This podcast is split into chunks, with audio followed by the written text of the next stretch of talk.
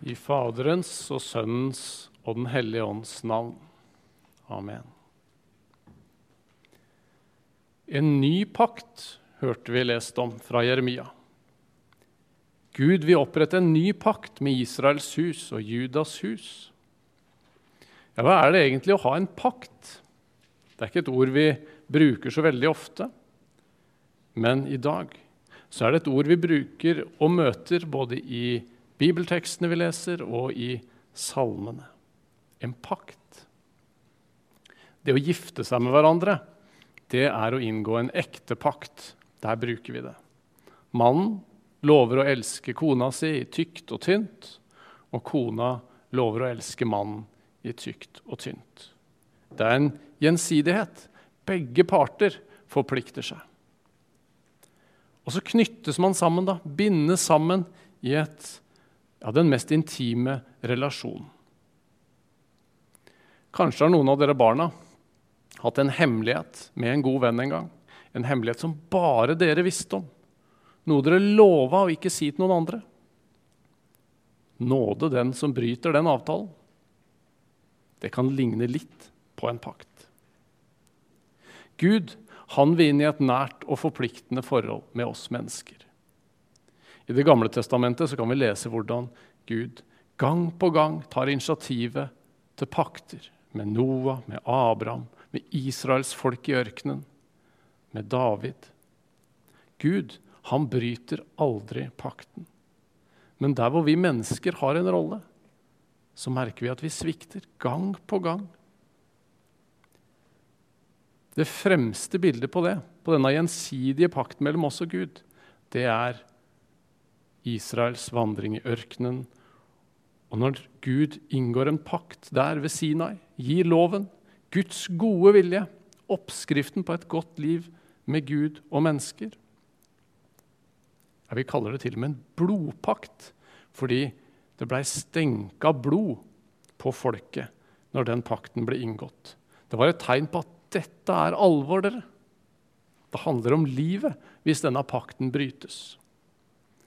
Men Moses han rakk jo ikke engang komme ned fra fjellet før ja, dere husker det kanskje. Avguden hadde tatt Guds plass.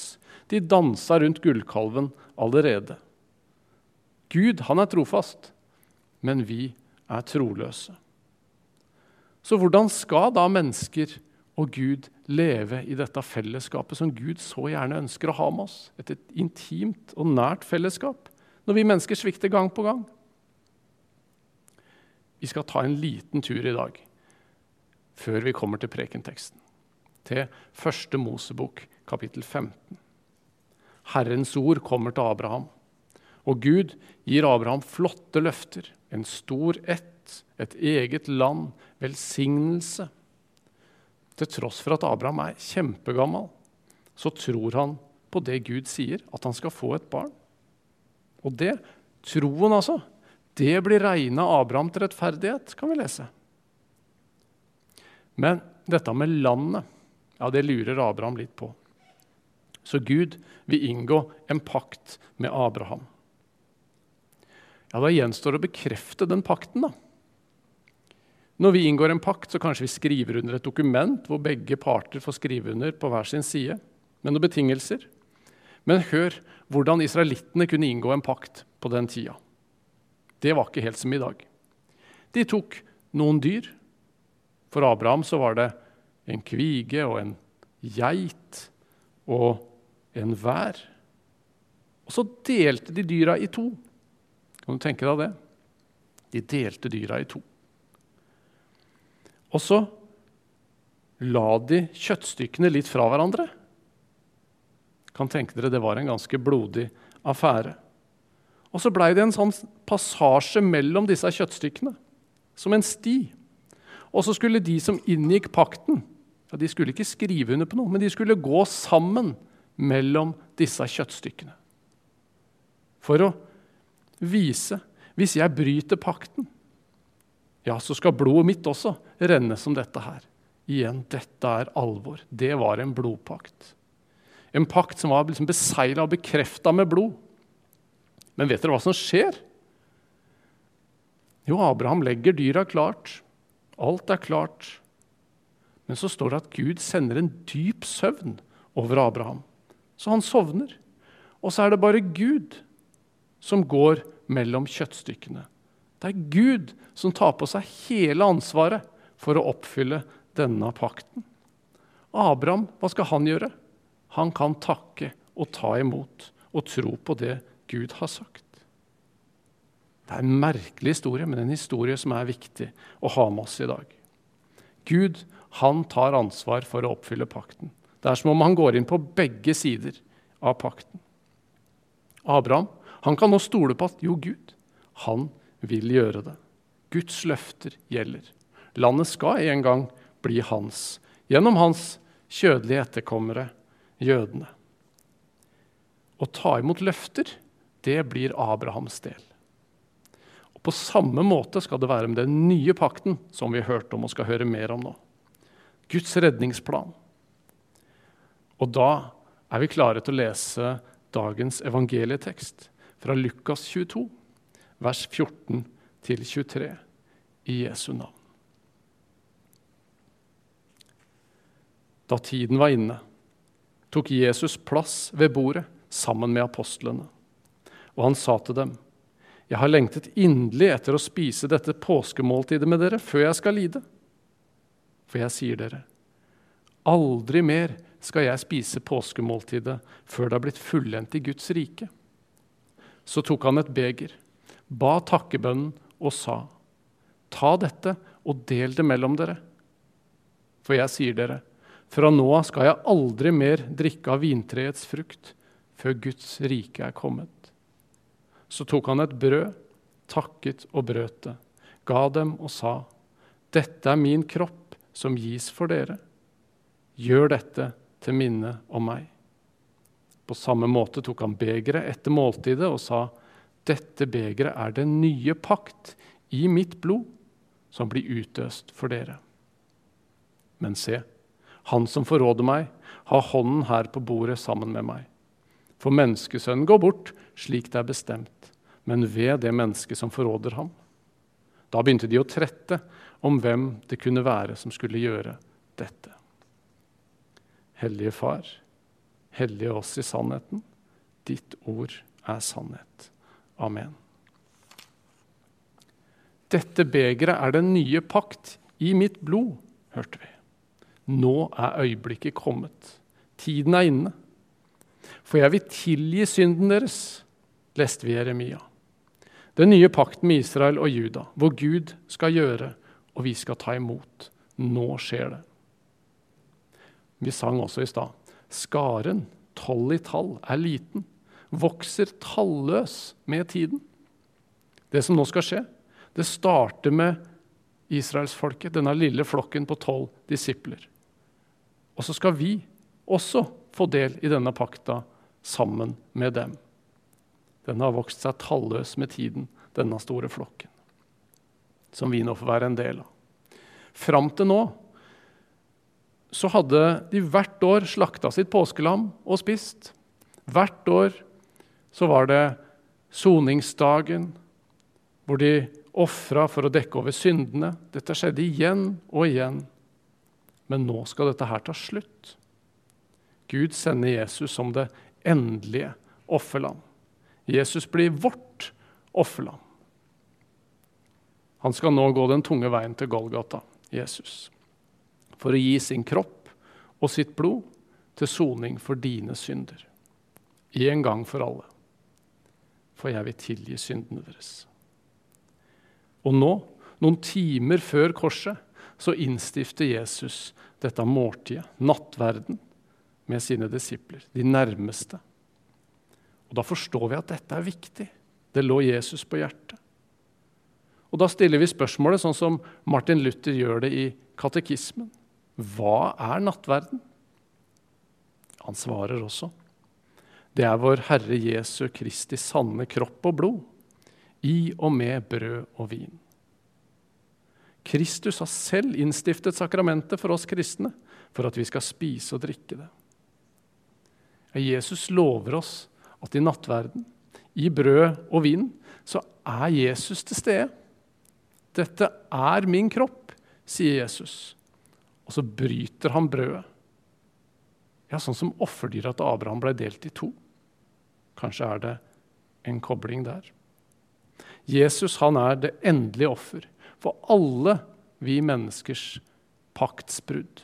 Alle våre synder. Og i brød og vin så mottar vi Jesu kropp og blod. Du får del i det offerlammet som har betalt for alt. Du får syndenes forlatelse.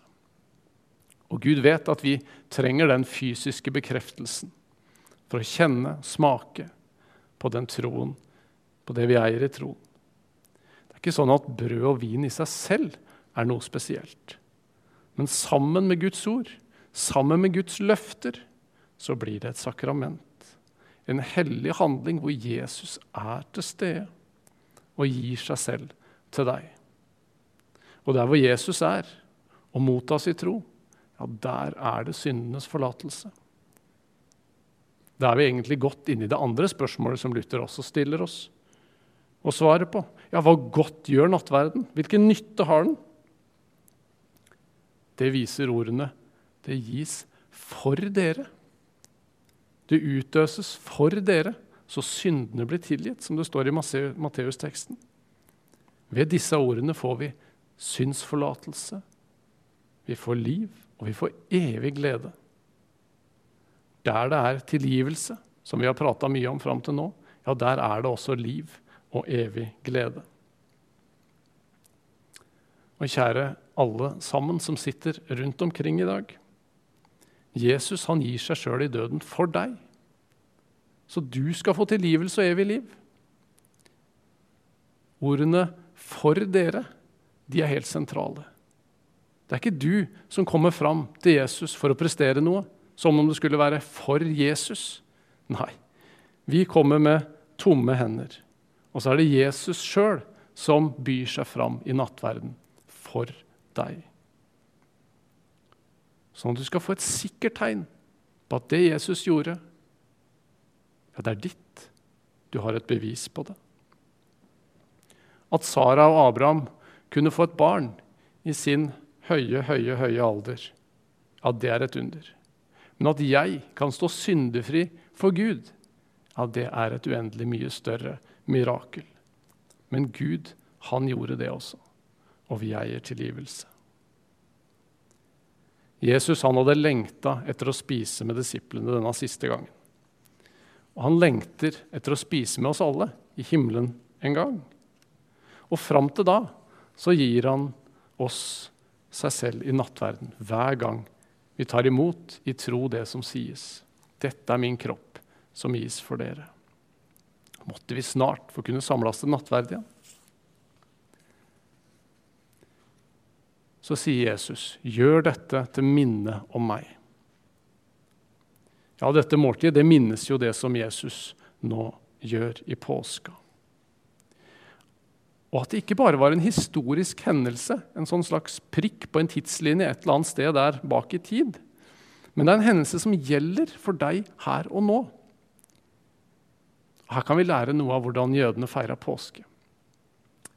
De fikk beskjed når Gud innstifta nattverden, nei, unnskyld, innstifta påskemåltidet for jødene i ørkenen.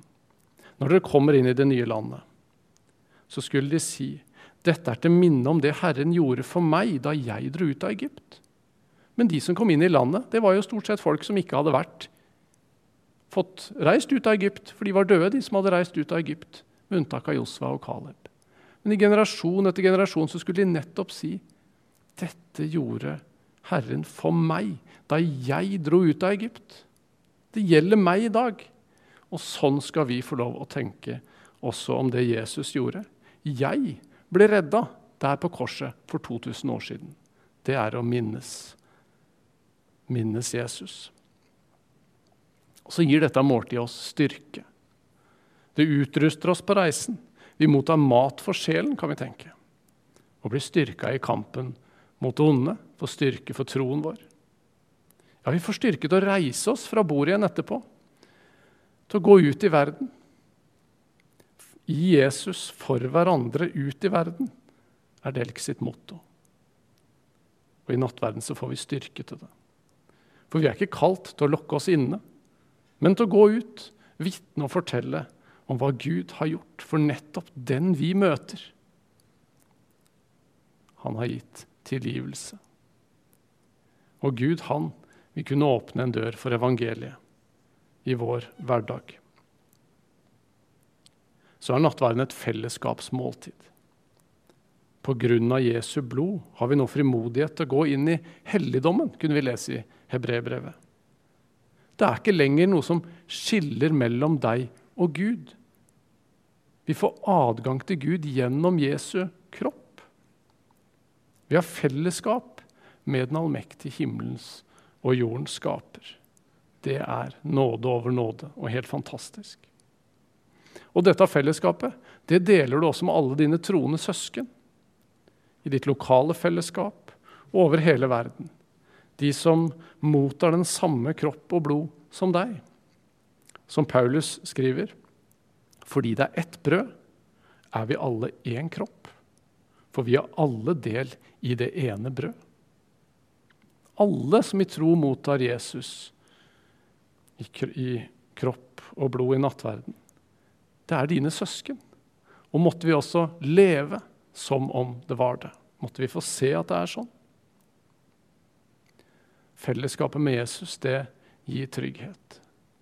Disiplene de hadde nå fare rundt seg på alle kanter, der de satt og feira nattverd med Jesus. Det er ikke sikkert de visste om det sjøl engang, men det hadde de. David han lovpriser og profeterer. Du dekker bord for meg like foran mine fiender. Midt iblant så var det til og med nå en forræder. Vi vet ikke hvor farene lurer i vårt liv, men vi vet. Også når veien går inn i prøvelser, ja, da er vi trygge hos Jesus, han som er prøva i alt, og som nå skal gå veien foran oss på langfredag.